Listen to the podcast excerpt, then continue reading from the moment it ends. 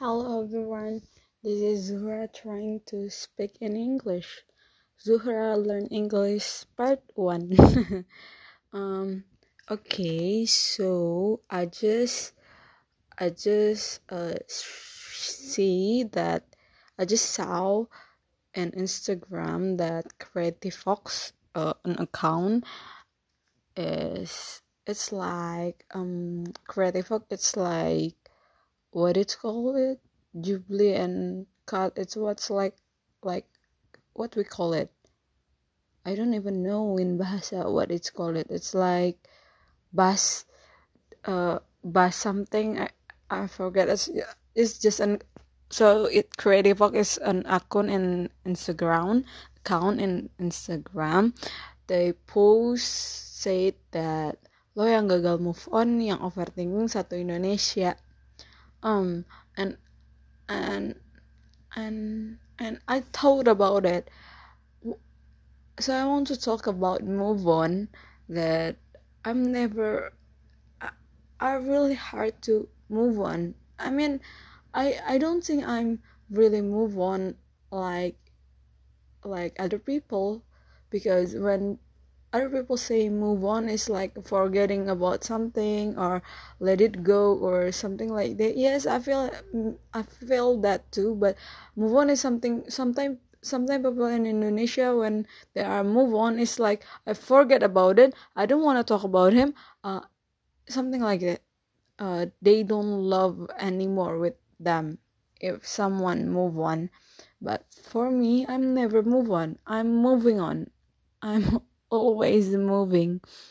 But i used to be in that position that means i always remember i always love or i i always care about the person. So when i'm falling in love or i have a crush of for him for anyone uh, i cannot move on i'm just moving on but but if I need to throw back and remember all the memories, I still love them because because there is a history history between us. Like I don't know, I want to cry, but I don't remember all the boys. I just remember all friendship that I have and I cannot move on from that um I feel I felt as a person because I need to moving on from them. I need moving on and not caring, not caring, caring, caring them in my life. I don't carrying them in my life. It's just hard for me because I used to carry everything. so when they are really gone and I you know i'm moving on and i don't carry them anymore it's feel hurt for me. But yeah. But you know it's okay. Because i still love him. I mean i still love them. I still care about them. But i don't want to have a strong connecting connected connecting connected what is what we call it what is true word that I need to use that I need to use. Um, I don't want to have a any bone with them. So, yeah. When someone said move on, I don't think I can be move on that in bahasa means in in Indonesia in Indo- Indonesia things I I'm not move on. I'm moving on. So my love, my care, my feelings, the memories, the history, it's well, it's always be there. Uh, the fact that mm, you know, uh, I don't know why I want to cry. Uh,